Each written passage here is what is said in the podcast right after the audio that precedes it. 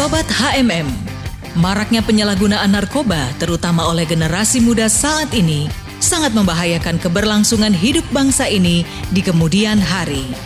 HMM Radio sesaat lagi akan menghadirkan Bincang GMDM, sebuah program hasil kerjasama Radio HMM dengan Bakornas GMDM, Badan Koordinasi Nasional Gerakan Mencegah Daripada Mengobati. Selamat mengikuti.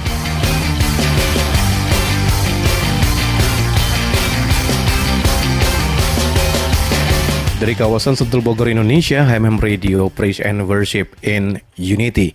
Di hari yang spesial ini menghadirkan talk show dengan GMDM, Garda Mencegah dan Mengobati. Nah, sebelum kita masuk dalam perbincangan ini, izinkan dulu kita akan dengarkan satu pujian berikut. Tetap di HMM Radio Praise and Worship in Unity.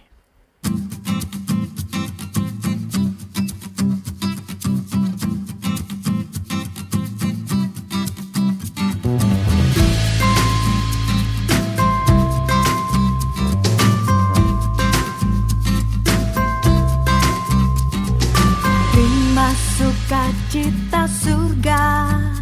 Itulah kekuatan bagi jiwa. Ku dapat rasakan kasihnya Di tengah badai yang bergelora. Lima cita surga. Itulah kekuatan bagi jiwa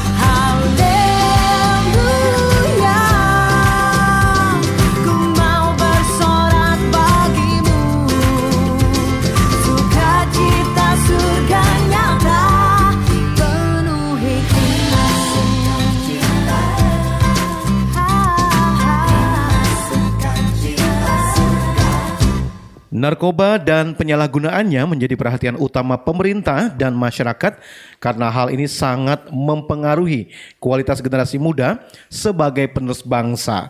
Topik kita hari ini hidup aktif dan produktif. Menurut saya, yang pertama adalah kita harus menerima mereka seperti Tuhan Yesus menerima kita apa adanya. Karena penerimaan itulah yang membuat dia mer- merasa bahwa dirinya itu berharga. Dan yang kedua, setelah kita menerima dia, kita harus bergaul. Kalau bisa kita mementoring, kita jadikan mereka murid supaya mereka tidak terhilang dari eh, penjangkauan kita untuk membawa mereka kembali kepada Tuhan. Dan yang paling terakhir adalah jangan pernah menghakimi mereka, tapi terus arahkan mereka. Kalau bisa kita mendorong mereka untuk mengembangkan potensi mereka yang mereka miliki. Yang harus dilakukan untuk menyelamatkan generasi adalah mulai dari lingkungan keluarga, peran orang tua, didikan, arahan, serta nilai-nilai yang harus ditanamkan sejak kecil. Itu harus benar-benar menjadi hal yang penting untuk menyelamatkan generasi berikutnya. Supaya setelah mereka besar generasi muda adalah generasi yang bersemangat, generasi kreatif bisa menyalurkan hal-hal yang positif untuk uh, lingkungannya. Yang ketiga adalah pergaulan. Pergaulan itu penting karena pergaulan yang buruk merusak kebiasaan yang baik. Jadi untuk menyelamatkan generasi ini sangat diperhatikan untuk dengan siapa kita bergaul, apa yang kita lakukan.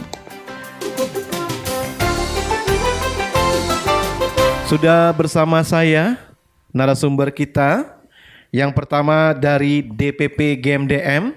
Saya ingin menyapa Shalom Pastor Barnabas Kilimandu, Ya, salam untuk semua sahabat HMM Radio. HMM Radio di mana pun uh, Anda berada saat hari ini. Percaya kita semua sehat-sehat dalam perlindungan Tuhan. Iya, Pastor Barnabas ini sudah pernah ya. Beberapa kali kita talk show Betul, menjadi narasumber dan kali ini dihadirkan kembali karena sesuai dengan topiknya ya. Kemudian eh, Pastor Barnabas nggak sendirian, ada Pastor Wisnu Danu Kencana. Shalom. Pak Wisnu. Shalom, selamat bertemu lagi Iya. dengan para pendengar HMM Radio yang sedang mendengarkan di mana Anda berada. Tuhan Yesus memberkati. Iya, puji Tuhan. Pak Wisnu dari DPD GMDM ya, Pak Wisnu ya. Iya, dari Jakarta, ya, Iya. DPD Jakarta. Dan eh, hari ini kan tema kita ini mengenai hidup aktif dan produktif. nah, saya coba ke eh, Pak Barnabas dulu. Ini ngomong-ngomong soal aktif dan produktif ini bagaimana sih caranya supaya eh, ibaratnya kita itu bisa aktif dan produktif? Iya. Memang uh, kalau kita melihat dengan keadaan sekarang ini yang masih kita belum tahu corona sampai kapan berakhir dan memang sering kali manusia tidak tahu mau melakukan apa lagi gitu kan. Apalagi kalau misalnya di PHK dari pekerjaan misalnya dengan uh, segala usaha sudah berusaha dengan cara lain gagal. Namun uh, sering kali kan uh, orang ya udah nggak bisa mau melakukan mencoba lagi gitu kan. Tapi uh, hari ini buat kita uh, untuk kita aktif dan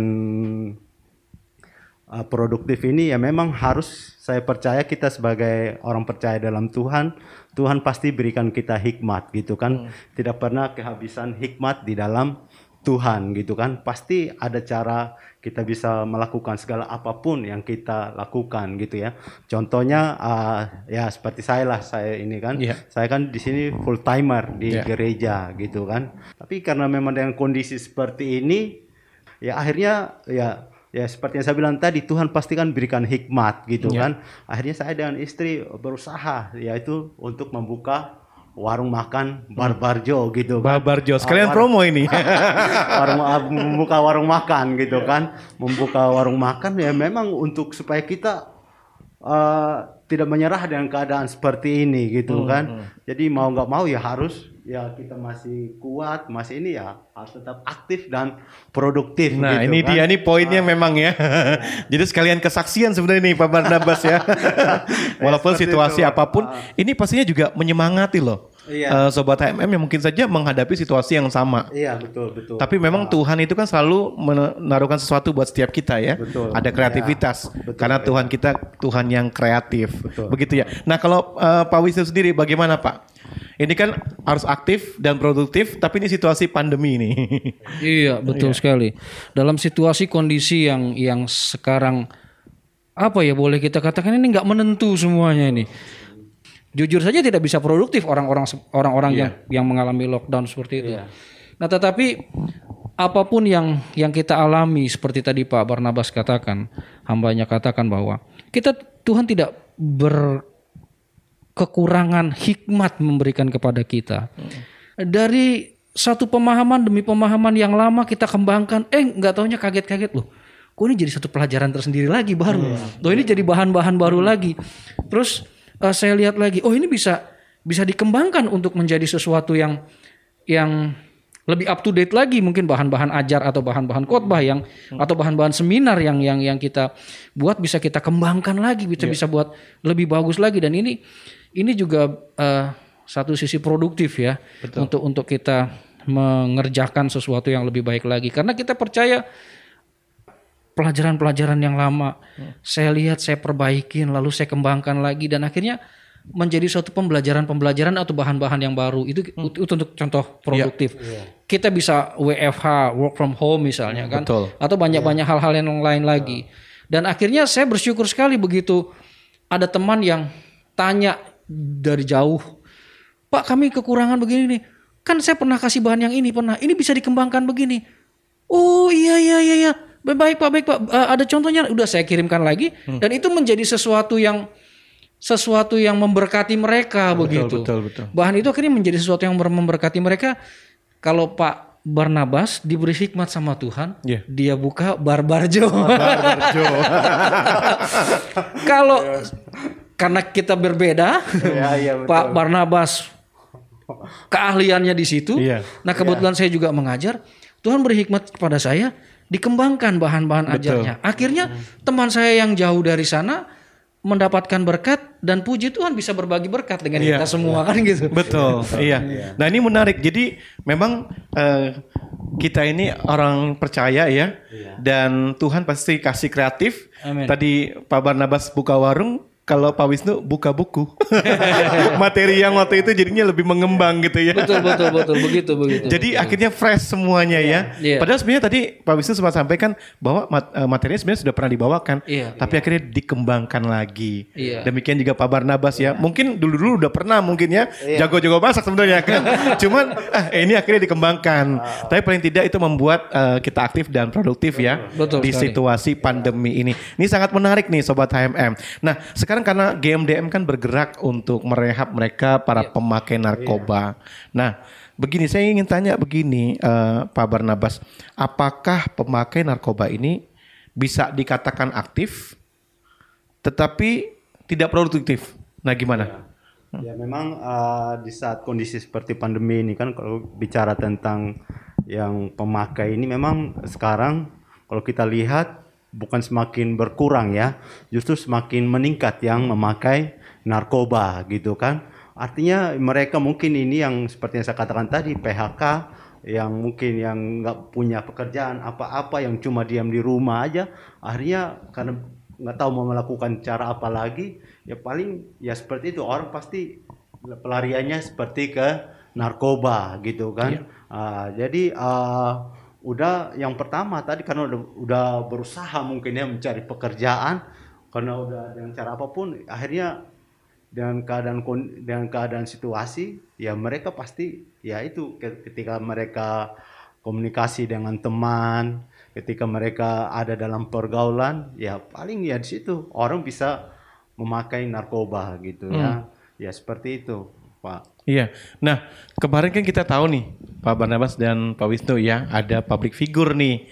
Yang memang biasanya kan beliau ini aktif dan memang orangnya produktif gitu ya. Tapi akhirnya terlibat dalam penyalahgunaan narkoba. Nah, apakah ini saya co- coba ke Pak Wisnu, apakah karena tadinya dia aktif dan produktif karena memang situasi ini apakah akhirnya memang bisa membawa seseorang seperti itu gitu? kemungkinan ke sana amat sangat bisa. Kenapa? Sebab eh, amat sangat bisa karena bisa jadi eh, produktifnya yang produktif seperti apa dulu. Iya kan?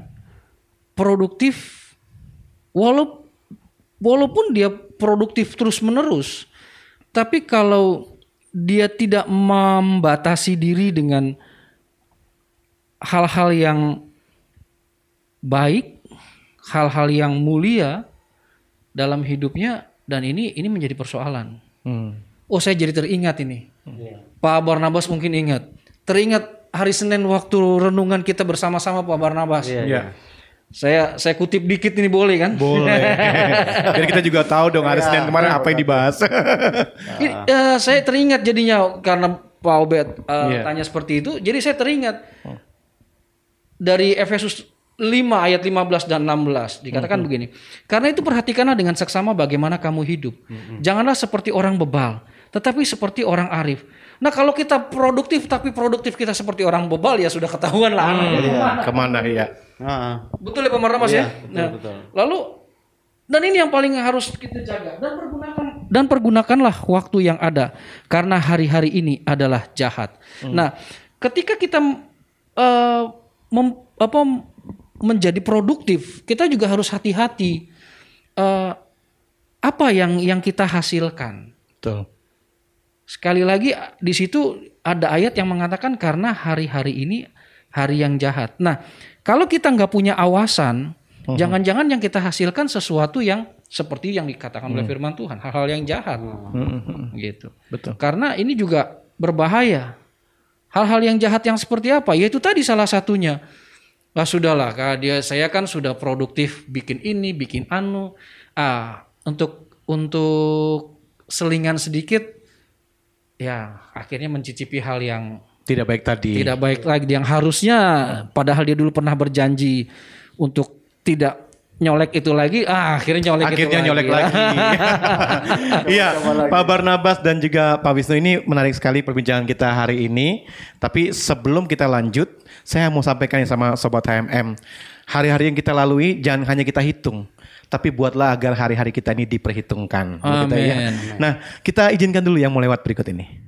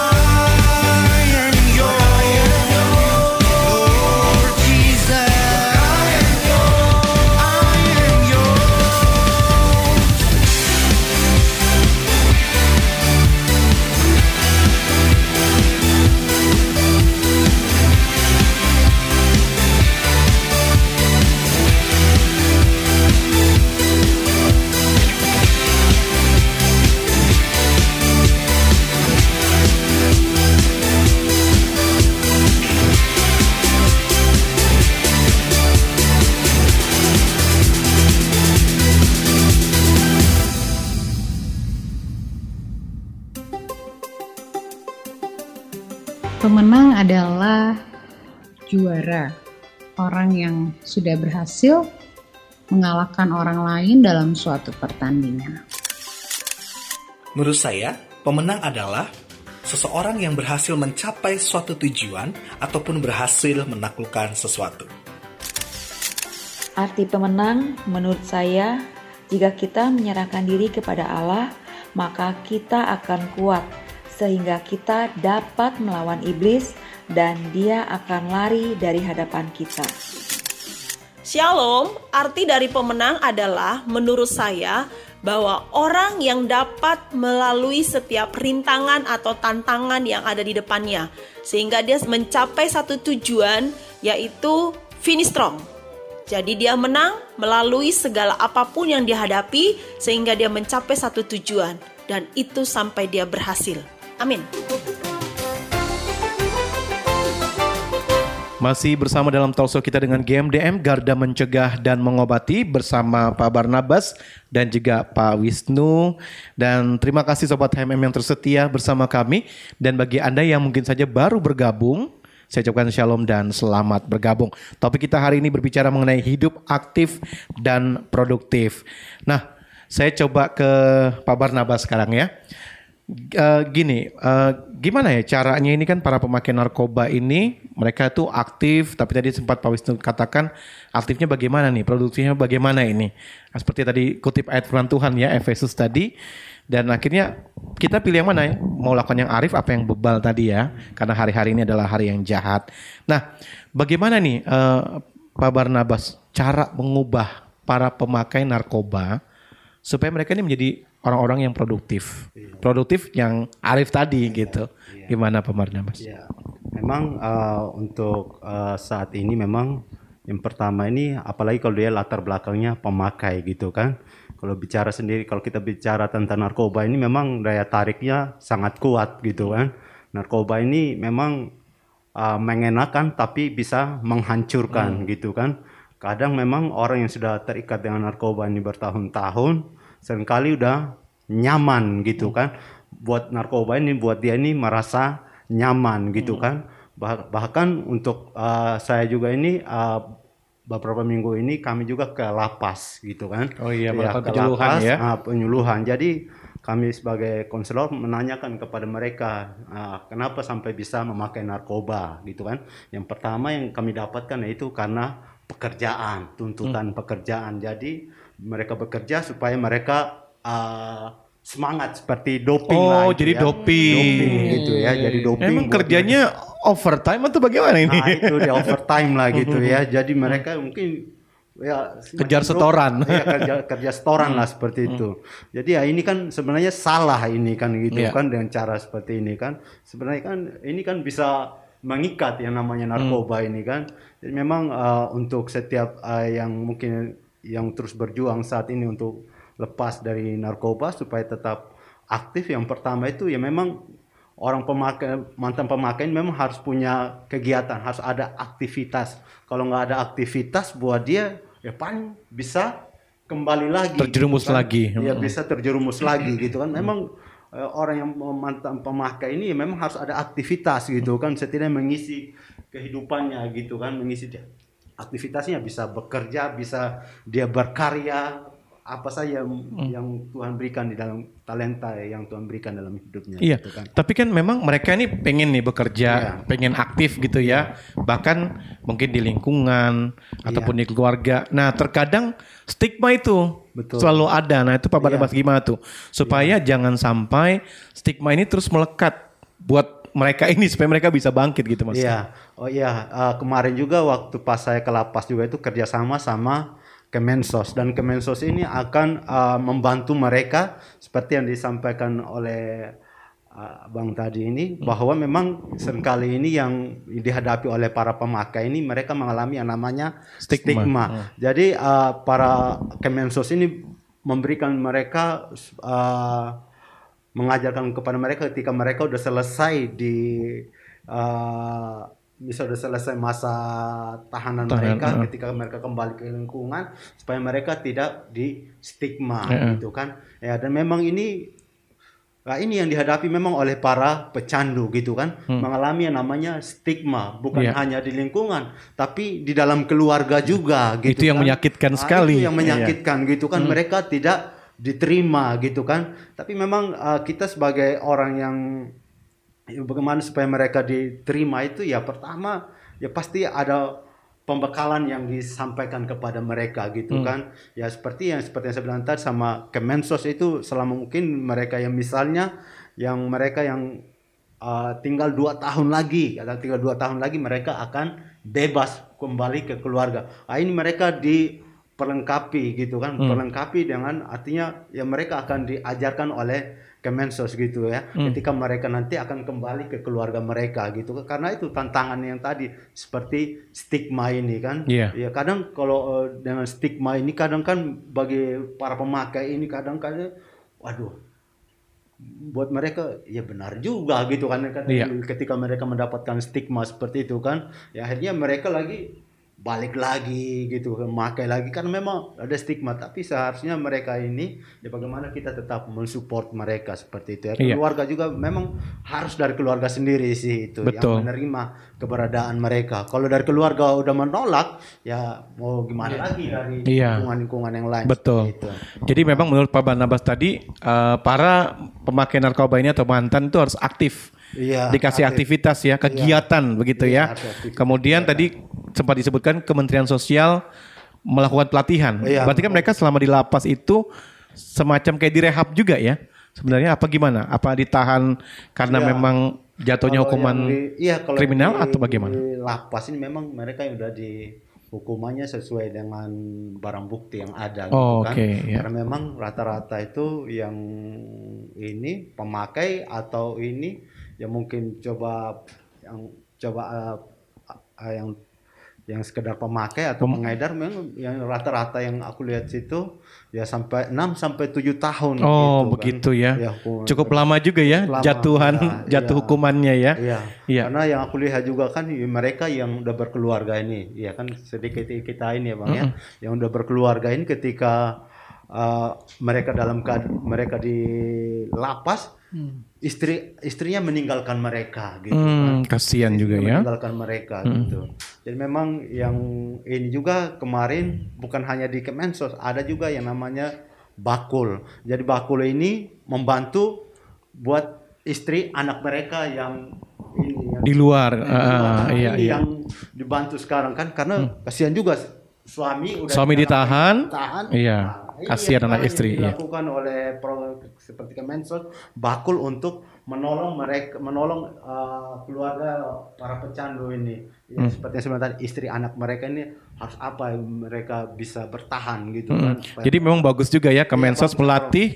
Nah, apakah setelah itu setelah dilatih apakah Kemensos itu langsung apa ibaratnya itu menempatkan mereka untuk dikaryakan di mana gitu? Apakah ada semacam itu yang Pak Barnabas lihat Ya, kalau atau hanya macam- cuma sekedar melatih? Ya, kalau Kemensos ini pertama kalau kita punya skillnya, misalnya tukang servis AC atau mungkin kita punya ke- keahliannya seperti di tukang gunting gitu kan. Oh. Nah, uh, mereka Barbershop ya. uh, mereka juga pas, uh, dari Kemensos ini untuk membantu mereka gitu. Oh, kan. jadi memang Supaya- disalurkan ya? Supaya Mm. mereka juga ada aktivitas. Ada gitu. aktivitas. Ah, ini memang yang menjadi dari Kemensos seperti itu Ah, Mm-mm. untuk supaya mereka takutnya nanti balik lagi ke makai narkoba gitu. Tapi Iya. mereka ada aktivitasnya. Ada aktivitasnya ya. Ada Nah, aktivitasnya. Nah sekarang saya coba ke Pak Wisnu nih Pak Wisnu tadi kan Iya, sempat iya, iya. disebutkan Pak Barnabas eh, cara-cara supaya mereka ini para eh, pemakai narkoba ini supaya tidak kembali tadi supaya mereka harus aktif dengan kegiatan. Tadi saya sempat dengar di Kemensos ternyata selama di lapas melakukan pelatihan. Iya. Bahkan ada yang beberapa disalurkan kalau memang ada skillnya. Iya, iya, iya. Nah kalau Pak Wisnu melihat tadi apa yang disebutkan oleh Pak Barnabas, Hmm. kira-kira ini bisa berhasil nggak ya cara-cara seperti ini? kembali lagi eh, bukan ke pribadinya juga ya, eh, tetapi eh, lingkungan terdekat dari dari si pecandu ini. Kan tadi diharapkan bahwa eh, keluarga mendukung. Nah, keluarga mendukung itu sesuatu yang sangat kuat untuk dia bisa terus eksis. Dan dia bisa terus untuk mengembangkan skill yang dia miliki. Minimal keluarga bisa menjadi apa namanya eh, pendorong dia atau tempat dia bertahan, tempat dia eh, setidak-tidaknya ada ada saringan yang yang mengingatkan dia kalau aduh stigma ini nggak bisa hilang Hmm. dan tiba-tiba dia menyerah tetapi kalau ada keluarga yang Iya. mendukung mendorong nah ini kita mengharapkan dia akan terus eksis Oh, Oke. Nah, dengan adanya pelatihan-pelatihan ini juga sesuatu hal yang positif bahwa bahwa sebagai seorang pemakai atau mantan pemakai dia dihargai sebagai manusia. Pen- Iya. Penerimaan kembali eh, sebagai sesama manusia itu menjadi kekuatan yang luar biasa untuk Iya. untuk mereka bisa bangkit, mereka bisa produktif, mereka bisa berkarya yang positif, sehingga saya percaya mereka pun bisa akhirnya melakukan hal-hal yang arif dalam kehidupan mereka. Nah, jadi memang hal inilah yang bisa dikatakan eh, program tadi, cara-cara tadi bisa berhasil. Yang penting yaitu tadi ya, keluarga itu benar-benar melepaskan apa tidak lagi menaruh stigma gitu ya, Iya, Pak Wisnu ya. Bahkan komunitas, lingkungan. Iya. Kalau keluarga seperti tadi Pak Wisnu bilang merangkul, memberikan support gitu ya. Pasti pemakai ini atau mantan pemakai akhirnya tidak akan balik lagi begitu ya. Paling tidak dia concern, komitmen dengan eh, aktivitas kegiatan positif tadi, kemudian juga semua pelatihan yang sudah mungkin diterimanya begitu ya Pak Wisnu ya. Iya, iya, Hmm. iya. Nah, ini tentunya eh, peran keluarga sangat penting ya untuk menciptakan para pemakai ini memiliki hidup aktif dan produktif. Nah, saya coba ke Pak, Pak Wisnu nih. Produktif yang seperti apa ini yang tepat buat para pemakai atau mantan pemakai? Produktif yang eh, seperti apa yang yang yang kita harapkan dari mantan pemakai begitu ya?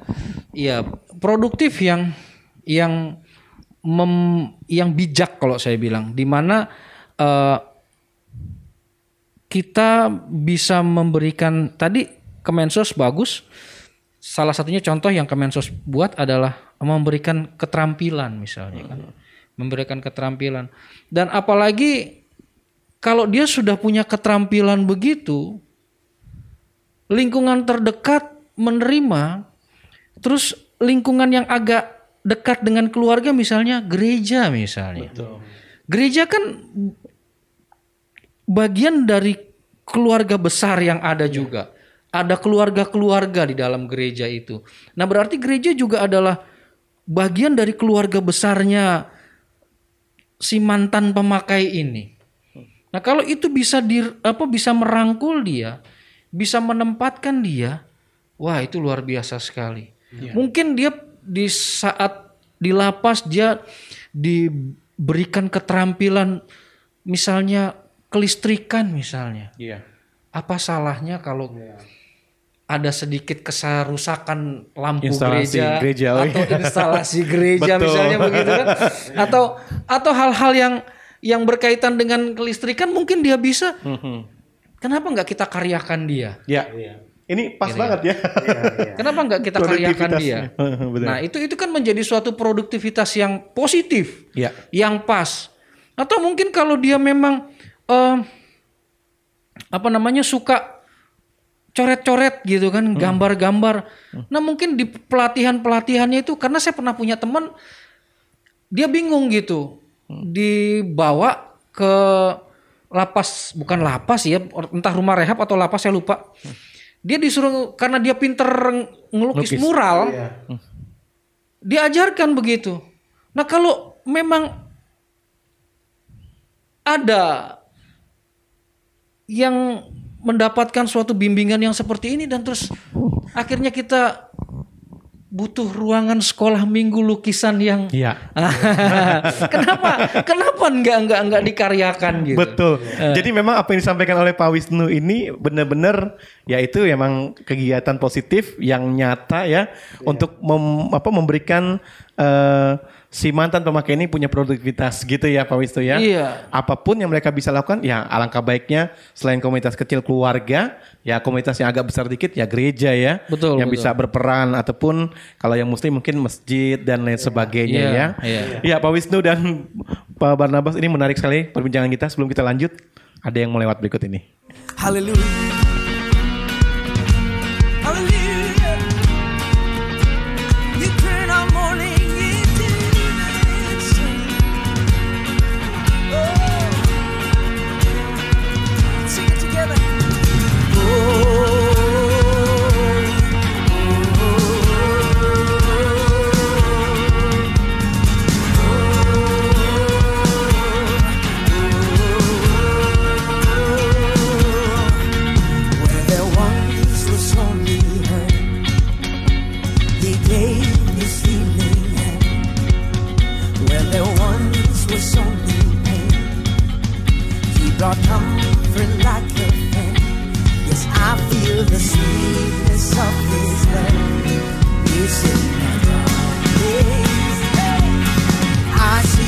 Bright and morning sun as it ushers in the joyful gladness.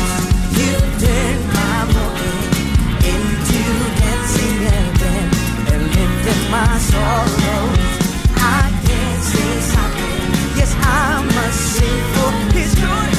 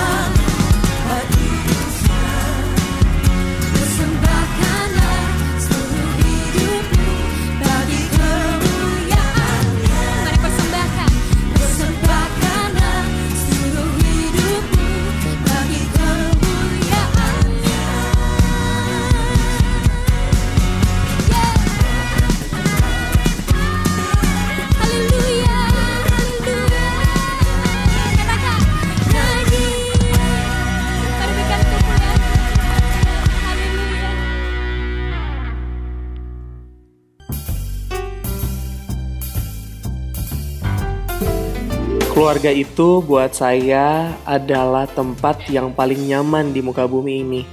Tuhan berikan keluarga sebagai tempat menaruh segala perasaan, baik itu senang ataupun sedih. Keluarga adalah lembaga terkecil yang Tuhan bentuk atau ciptakan. Keluarga itu bukan hanya sekedar sekumpulan orang yang memiliki ika- ikatan darah dengan kita, tetapi keluarga itu adalah rumah di mana kita bisa berpulang ketika kita lagi di low position in life. Keluarga itu bisa jadi healing pills, bisa jadi penyembuh, bisa jadi obat waktu kita lagi eh, ngehadapin semua hal-hal yang nggak baik yang terjadi di dalam hidup kita. Keluarga menurutku adalah suatu ruang atau tempat di mana bisa bebas melakukan apa pun atau berekspresi seperti apa tanpa adanya diskriminasi atau judgement terhadap kita. Dan bisa jadi pilihan sandaran ketika berada di titik terlemah kita dari hiruk pikuk dunia luar gitu dengan cukup berada di tengah mereka itu udah berikan ketenangan dan kenyamanan. Eh, Pak Barnabas, Pak Wisnu ini terus kita masih dalam perbincangan kita tentang hidup aktif dan produktif dan tentunya apa yang dilakukan oleh berbagai pihak untuk mengembalikan eh, para pemakai narkoba dan mantan pemakai untuk memiliki hidup yang aktif dan produktif. Bahkan mereka juga bisa melakukan kegiatan-kegiatan positif. Peran keluarga juga perlu. Peran tokoh-tokoh agama juga penting ya iya. nah tapi begini nih Pak Barnabas kadang-kadang ada kendala yang dihadapi ya Pak Wisnu ya Pak Barnabasnya nah Bagaimana untuk mengatasi kendala-kendala ini supaya ya sekali lagi mengembalikan para pemakai narkoba, mantan pemakai narkoba menjadi manusia seutuhnya sehingga hidupnya aktif dan produktif. Silakan. Ya memang yang pertama ini bagi para pemantan gitu kan. Yang pertama tadi tidak terlepas dari stigma gitu kan. Tapi buat para pecandu, para mantan mungkin jangan pernah menyerah gitu kan. Artinya kita harus tetap menunjukkan kalau saya akan terus bisa uh, produktif gitu kan. Artinya kita harus berusaha juga dari diri, diri dari diri kita sendiri bagi si pecandu ini kan. Ya dan artinya dia akan menunjukkan kepada orang-orang yang mungkin yang sudah menganggap dia menganggap stigma bagi dia, tetapi buat si pecandu ini juga dia harus tetap berusaha dari dirinya sendiri gitu kan untuk menata ke depan yang lebih baik gitu kan. Kalau dia nggak pernah berusaha komitmen dalam dirinya sendiri untuk berjuang terlepas dari narkoba, jatuh lagi kembali ke tempat yang sama lagi ya. Ini buat dia ini kan berarti belum ada dari dirinya sendiri kemauan dari dirinya sendiri untuk Iya. Lepas dari segala uh, obat-obatan ini. Hmm. Dan memang semua itu harus dari diri sendiri Iya. sih itu. Jadi kalau Pak Barnabas bilang ini kan dari diri sendiri nih, Iya. yang kadang-kadang suka jadi kendala Iya. yang dihadapi. Nah kalau Pak Wisnu sendiri melihat ini kendalanya apa ini? Seperti yang disampaikan Pak Barnabas, saya hanya ingin menambahkan dan ingin men- eh, menambahkan pemahaman yang yang yang saya pahami. Tanamkan juga kepada si mantan ini mau tujuannya apa ke depan. Setelah dia punya kerinduan ingin apa namanya bebas gitu kan, tapi kalau dia tidak ditanamkan tujuan istilahnya membangun impiannya lebih apa lagi gitu. Membangun impian yang seperti apa lagi dalam hidupnya. Nah, kalau dia misalnya oh dia dia merindukan sesuatu yang dia capai misalnya A. Nah, lalu kalau kita berdiskusi dengan dia dan kita kasih masukan untuk bagaimana cara-cara meraih si A tersebut atau A ya tujuan yang A ini, wah itu saya yakin dia akan betul yang tadi Pak Pak Abbas bilang bahwa orang ini akan mau mengejar tujuannya, ya kan? Mengejar tujuannya, mengejar mimpinya, mau membangun mimpinya. Ya, saya percaya setiap kita punya titik jenuh tersendiri. Iya. Tetapi kalau dia diberi dorongan, dorongannya itu berupa mungkin gambaran cita-cita yang akan dia Mhm. raih, tujuan yang akan dia capai, cara-cara mencapai tujuan, menata itu semua. Saya yakin itu akan bisa bisa eh, membuat dia terlepas dan dia Mhm. bisa menjadi jauh lebih baik dari sebelumnya gitu. Nah, ini kan Pak Barnabas nih pasti juga punya pengalaman nih mendampingi Iya. mereka yang direhab khususnya di GMDM ya Pak Barnabas ya. Nah, untuk membentuk mereka ini supaya mereka punya diri sendiri itu ada kesadaran. Iya. Kemudian tadi yang Pak Wisnu bilang mereka akhirnya punya tujuan nih yang jelas. Nah, biasanya Pak Barnabas atau tim GMDM apa sih yang dilakukan itu? Ya, untuk yang biasa kami lakukan ini pertama memang eh, kita kasih tahu dulu yang dampaknya seperti itu ya dampak dari bahaya narkoba dan memang dan dari situ juga kita memberikan suatu eh, pemahaman buat mereka yang benar untuk eh, tidak kembali lagi kepada dunia narkoba Hmm. ini kan artinya untuk mem- memberikan mereka kesadaran buat mereka Hmm. untuk mencari eh, untuk meraih masa depan gitu kan Iya. karena sering kali orang yang mantan ini menganggap dirinya udah ah, udah madesu lah masa depan Hmm, suram nah gitu dia kan nih. Ah, Iya, jadi iya. Kita pun sebagai konselor atau kita sebagai tim di game Dem yang memotivasi mereka memberikan Iya. mereka semangat karena hari esok masih ada harapan Hmm, gitu amin, kan amin. Ah, seperti Iya. dalam kitab Amsal gitu Iya. kan Ah, jadi memberikan mereka memang dengan motivasi yang Iya. buat mereka untuk bangkit gitu kan Hmm. ya mungkin ya mereka tidak pernah dapatkan seperti ini dalam waktu ketika mereka memakai tidak pernah dapatkan seperti kata-kata seperti ini tetapi uh, setelah mereka ada di rehab ya kesempatan kita untuk menyampaikan buat mereka supaya mereka semangat untuk meraih Betul. ke depan gitu Hmm. kan dan juga buat uh, orang tua juga kalau anak mereka ini akan masih bisa tetap berkarya gitu. Nah. Ah, jadi pertama itu Luar kembali biasa. penerimaan keluarga Iya. Betul. Tapi memang bagus sekali ini apa yang dijelaskan oleh Pak Barnabas. Jadi sekali lagi memang tim GMDM ini bekerja keras ya. Iya. Untuk membangkitkan kembali supaya Iya. mereka ini punya ibaratnya keyakinan diri bahwa Betul, mereka itu iya. punya masa depan gitu ya. Iya. Dan pastinya tim GMDM nggak lelah nih. ya, dan kita juga sampaikan mereka jangan lupa untuk kalau yang Islam rajin sholat, Sholat, rajin iya. ibadah. yang Kristen ya rajin harus ke gereja, Beribadah, rajin ya. beribadah itu yang paling Mm-mm. terpenting gitu kan Ah, Mm-mm. dan di situ kita ketika kita bertumbuh iman kita kita kuat gitu Betul. Paling tidak tujuannya untuk membuat mereka ini hidup aktif dan produktif Iya, ya. iya. Nah, Pak Barnabas, Pak Wisnu kita sudah di penghujung talk show kita hari ini. Nah, saya ingin Pak Wisnu kasih statement nih. Oh. Sesuai tema kita buat pendengar HMM. Oke, Eh, saudaraku yang dikasihi Tuhan, ketika kita terdiam, artinya ketika kita berhenti karena mungkin aktivitas kita terganggu atau karena ada situasi kondisi yang yang membuat kita menjadi terhenti kegiatan kita, entah itu terhenti karena PHK, entah terhenti karena eh, tiba-tiba ada wabah yang menakutkan ini membuat kita menjadi stuck atau terhenti, ingatlah kita jangan terdiam. Ingatlah kita jangan langsung apa namanya eh, merasa selesai segala sesuatunya. Kalau itu terjadi dalam diri kita, kita akan dimakan oleh hari-hari yang jahat ini. Hmm. Jadi ingatlah bahwa segala sesuatu yang terjadi itu bukan kebetulan. Ada maksud-maksud Allah yang Allah kehendaki diperhadapkan dalam kehidupan kita. Hmm.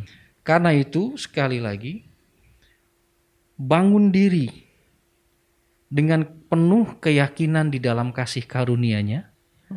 Maka kasih karunia-Nya yang indah itu akan menuntun kita walaupun mungkin berat, walaupun mungkin susah, tapi di dalam kasih karunia-Nya ada keindahan-keindahan yang kita nikmati.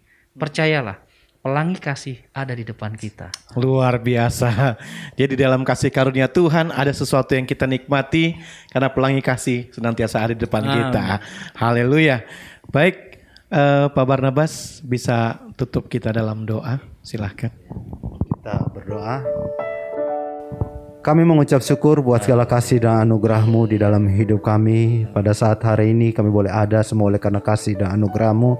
Dan kami bersyukur juga Tuhan lewat siaran HMM Radio saat ini juga Tuhan. Yang terus boleh berkarya dan Tuhan dipermuliakan. Dan kami berdoa juga Tuhan lewat apa yang kami sudah diskusikan saat ini.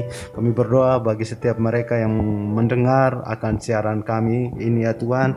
Kiranya setiap apa yang kami sampaikan ini ya Tuhan boleh menjadi berkat. Kami berdoa juga Tuhan untuk setiap mereka yang mendengar akan siaran ini. Kami berdoa Tuhan memberkati mereka ya Bapa. Tuhan kami berdoa biarlah Engkau Tuhan pakai eh, siaran radio HMM ini juga Tuhan sehingga Tuhan dipermuliakan Bapa. Terima Amin. kasih Tuhan dan seluruh hidup kami kami serahkan ke dalam tangan-Mu. Dalam Amin. namamu kami berdoa kepada Tuhan Yesus Juru Selamat hidup kami. Amin. Amin. Amin. Pak Barnabas terima kasih, Pak Wisnu terima kasih buat waktunya dan Sobat HMM Anda telah mengikuti perbincangan dengan GMDM Garda Mencegah dan Mengobati dengan topik hidup aktif dan produktif. Bagi Anda yang ingin mendapatkan informasi lebih lanjut tentang GMDM, Anda bisa menghubungi di 021 866 15552. 0218661552. Nantikan perbincangan kami selanjutnya bersama GMDM dengan topik menarik seputar pemberantasan dan penyalahgunaan narkoba untuk menciptakan Indonesia bersinar bersih dari narkoba. Sampai jumpa. Sobat HMM, Anda baru saja mengikuti Bincang GMDM, sebuah program hasil kerjasama Radio HMM dengan Bakornas GMDM, Badan Koordinasi Nasional Gerakan Mencegah Daripada Mengobati. Terima kasih atas kebersamaan Anda. Sampai jumpa.